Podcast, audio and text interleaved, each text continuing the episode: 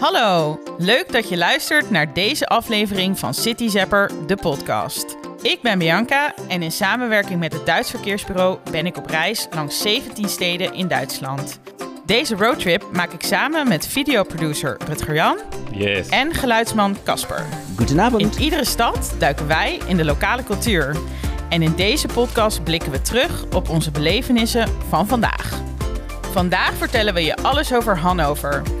De hoofdstad van Neder-Saxen, waar stedelijke vibes altijd een groen randje hebben.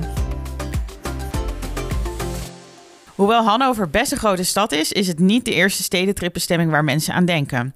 En na vandaag kan ik wel zeggen dat dat eigenlijk ontzettend jammer is. Want wat is dit een leuke stad? Zo, dit is een hele gave stad. Ja, een pareltje. Ja, echt. eh, ik heb, eh, we hadden het er net al even kort over. Maar we hebben echt een superleuke dag eh, vandaag gehad. En dat kwam denk ik ook wel mede door de mensen die we hier eh, hebben mogen ontmoeten. Eh, allereerst Daniel Vlieger. Die noemden we gisteren al even in de podcast. Onze lokale geocacher. En laten we ook zeker niet onze gids van de dag vergeten. Elke Siebert. En zij ehm, ja, woont al jaren in, in Hannover. En begeleidt met veel energie en enthousiasme eh, journalisten ehm, en andere genodigden in de, in de stad rond. En we ontmoetten haar en het was gelijk één brok energie waarmee we de stad in gingen. Het is wel even wennen hoor, in de ochtend. Ja, maar we kregen gelijk een koffie, dus... Vooral heel veel positiviteit en zo. Het is Ja. wel grappig. Ja, en ze was denk ik ook gewoon zo enthousiast... omdat ze al een aantal maanden geen mensen door de stad had kunnen rondleiden. En daar heb je ons ineens. Ja, Ja, ja Dat super. is goud. Dat is Ja. goud. is goud, ja. Nou, en we begonnen de dag...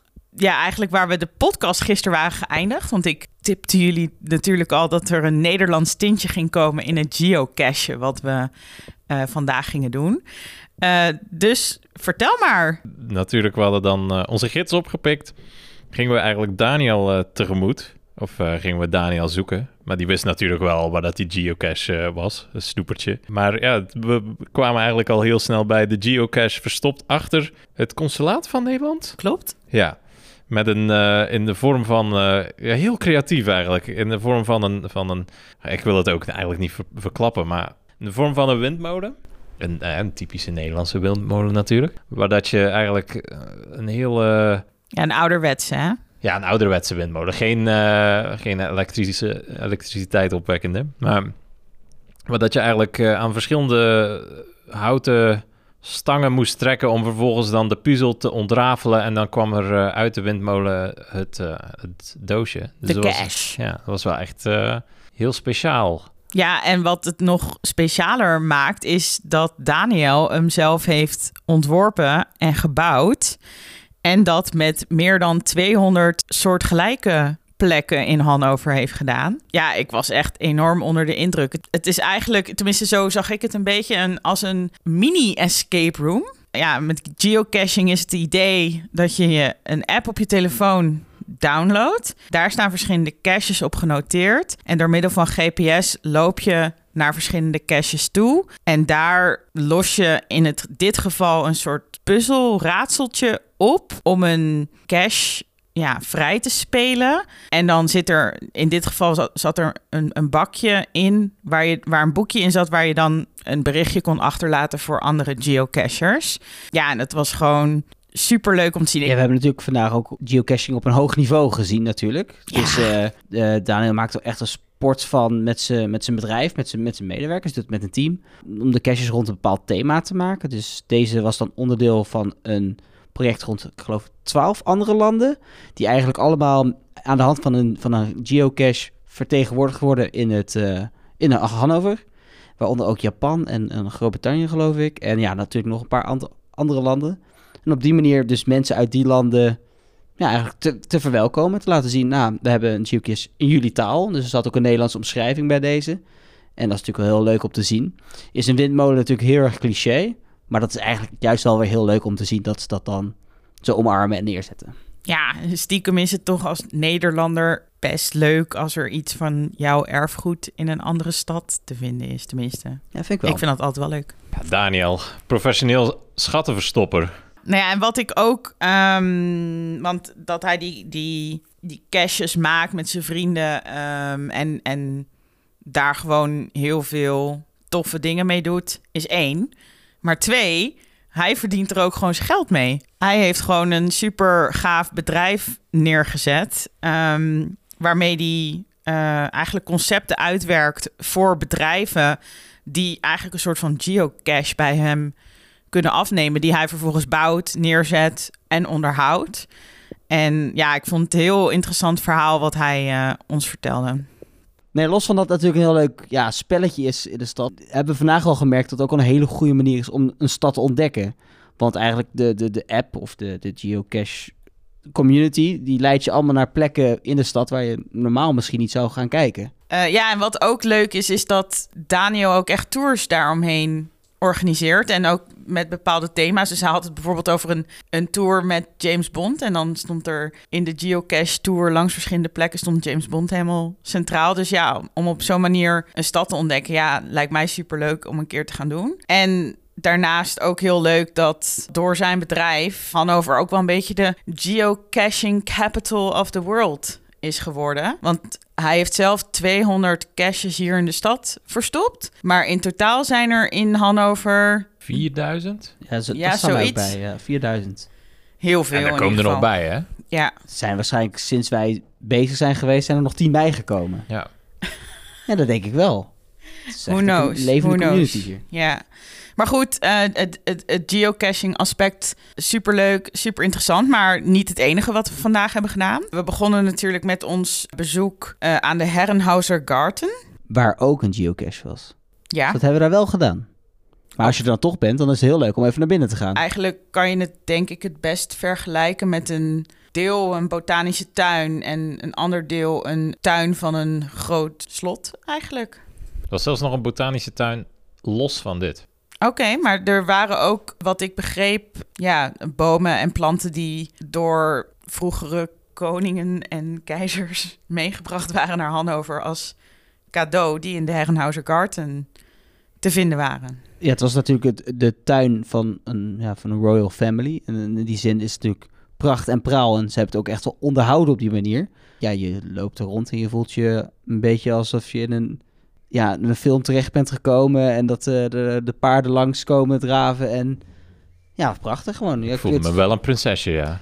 Ja. Zo zag je er ook al uit. En nog meer verrassingen daar. Het was natuurlijk een vrij uh, traditioneel, traditioneel uitziende bedoeling. De, een hele mooie tuin in oude stijl.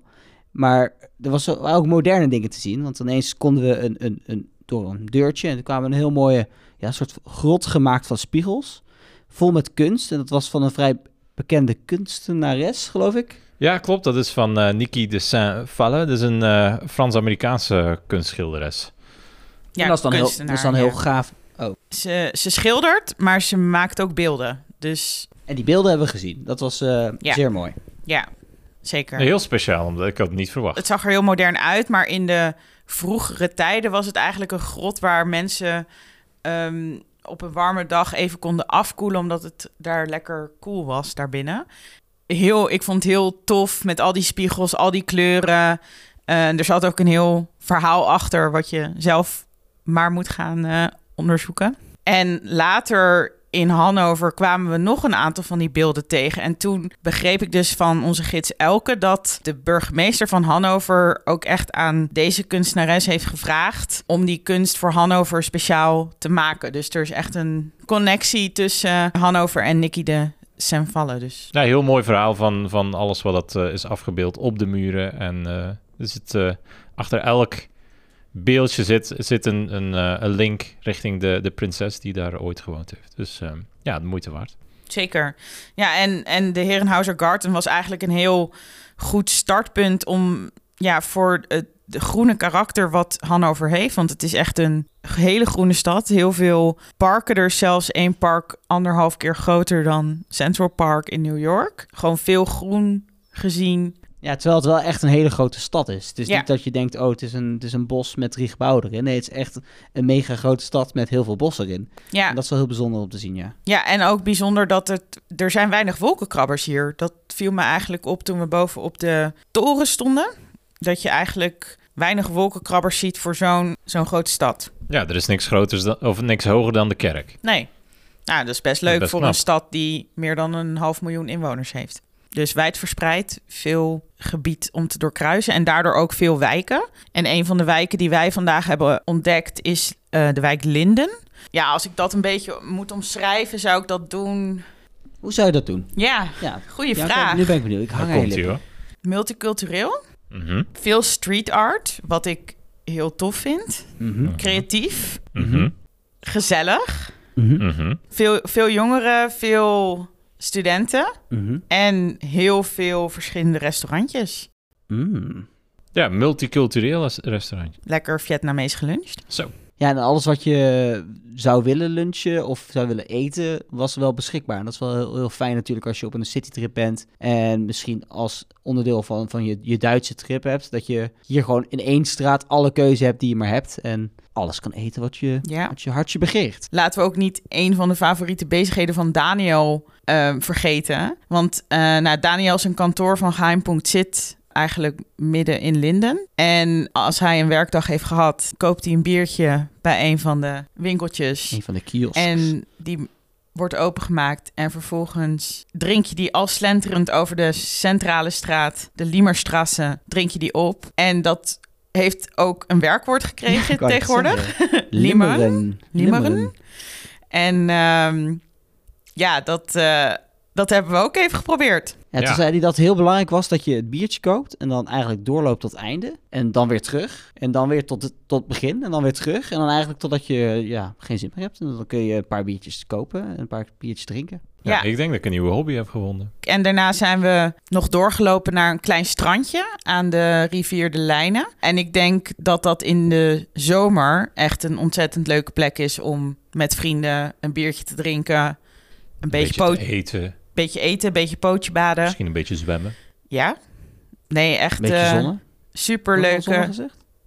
Nee, Nee? maar Nou, dat kan, lijkt me dat kan leuk. wel. Ja, ja absoluut. Een hele leuke plek. Eigenlijk alles wat je op het strand zou doen, zou je daar ook kunnen doen. Maar je zit midden in, in de stad. Midden in de stad, maar wel ook in het groen. Wat ik ook heel leuk vond aan Hannover is dat hier twee microbrouwerijen zijn. Yes. Nou, hoe komen we er hoor? Want we zijn wat aan het drinken. Zeker. Rutschel, wat heb jij eh, aan je lippen? Ik heb de India Pale Lager van Maché, of Mash C. Maché is natuurlijk een, een onderdeel van brouwen. Dus een brouwerij uit Hannover, Machine India Pale Lager. 6,8% Zeer smaakvol. Die heb ik dat ook. Smaakt, Lekker. toch? Ik niet. Ik Ja, heb een ander. anders, Oh, Ja. Oh. Ik heb eh, wel ook van de Maché. Overigens is dat denk ik een knipoog naar het grote meer. Ja, dat Wat is je ook hier-. Ja, wat Ja, je hier eh, midden in de stad vindt. Ja, dat is Ja. meer hier. oh oké. Ja. Ja, ma- mashen is ook een onderdeel van... Dus het is eigenlijk dubbel, Oh, het is driedubbel een- feest. dubbele knipoog. Maar ik heb eh, van Maché de brouwerij Helles im Wonderland. het is eh, echt een lekker biertje. Dus eh, wat betreft microbrouwerijen is Hannover ook geslaagd. Proosten we op. Cheers to that. De, de vraag die we iedere dag stellen. Wat is jullie het meest bijgebleven van vandaag? Ja, ik vond het leuk. We zijn de dag eigenlijk gelijk begonnen. Ik, ik hou er wel van als je op een citytrip bent, dat je, dat je ook gewoon de mogelijkheden hebt om, om dat lekkers te eten en ook op je gemakje niet alleen dingen te hoeven bekijken. Eh, maar we zijn eigenlijk gelijk 's ochtends meegenomen naar ja, een soort van markthallen. Ik weet niet of er een officiële naam voor was, maar... Markthallen. Ah, markthallen, wel gelijk goed. Wat een, eh, een overdekt markt was waar je echt van alles kon eten en drinken. Dat vind ik altijd heel leuk. Ja. Ja, naast al het plezier wat we net beschreven hebben, vond ik dat een, eh, een aanrader voor als je hier bent om daar wat te gaan eten of drinken. Ja, dat was een heel een groot aanbod. Mooi. Ik ga toch geocaching... Ik, ik heb dat al op een... Nee, ik heb het nog maar één keer gedaan. Daar ga ik heel eerlijk in zijn. Maar ik vind het wel een heel leuk ding. En ehm, ik denk dat dat ook de tip is van, van de video en van vandaag. Dat, dat je eigenlijk Hannover zeker moet doen met geocaching. Maar we zijn ook naar, nog naar de dierentuin gegaan. Wat ook een gigantische dierenpark is. En daar is ook wel een hele bijzondere geocache plaats. Vertel. Nou, ik vond het wel echt heel vernuftig weggestopt. Het was een soort van elektriciteit, zo'n grijze elektriciteitsbak dat achter een muurtje verstopt is. En dat je normaal echt nog geen seconde naar zou gaan kijken. Maar die gaat eigenlijk vrij snel open. En dan heb je eigenlijk een soort van display met Lion King-achtig Tafereeltje. tafereeltje met, met, met leeuwen en, en olifanten en zebra's, et, et cetera. En dan kun je eigenlijk op, op vier knoppen drukken met geluiden. En dan moet je, eh, hoor je geluiden van dieren. En de geluiden die je niet kunt linken aan een dier dat in de display zit, die moet je dan vasthouden. En dan eh, komt eigenlijk je schatje vrij. En vond ik wel heel vernuftig. En dat, dat is eigenlijk ook wel een beetje wat dat Daniel gewoon doet. Het zijn best wel creatieve manieren van geocaching. Want wat Zeker. ik heb gedaan was in Noorwegen. Oké, dat was op een hele speciale plek in een fjord waar dat je niet zo gemakkelijk kwam. Eh wij zijn dan met een zeilboot dan uitgegaan en dat was gewoon verstopt. Dat, dat bakje was gewoon verstopt onder een steen. Punt. Maar dit was echt nog een hele puzzel. Het, het zoals dat je zei, gewoon een, een kleine mini-escape room. Je moest wel even moeite doen om niet alleen de zoektocht naar de plek, maar ook gewoon de moeite doen om na te denken van wat is de uitkomst van deze puzzel. En zo was dan ook in, in, ehm, in de wijk waar we geweest waren, dat je eh, graffiti, street art kon zien.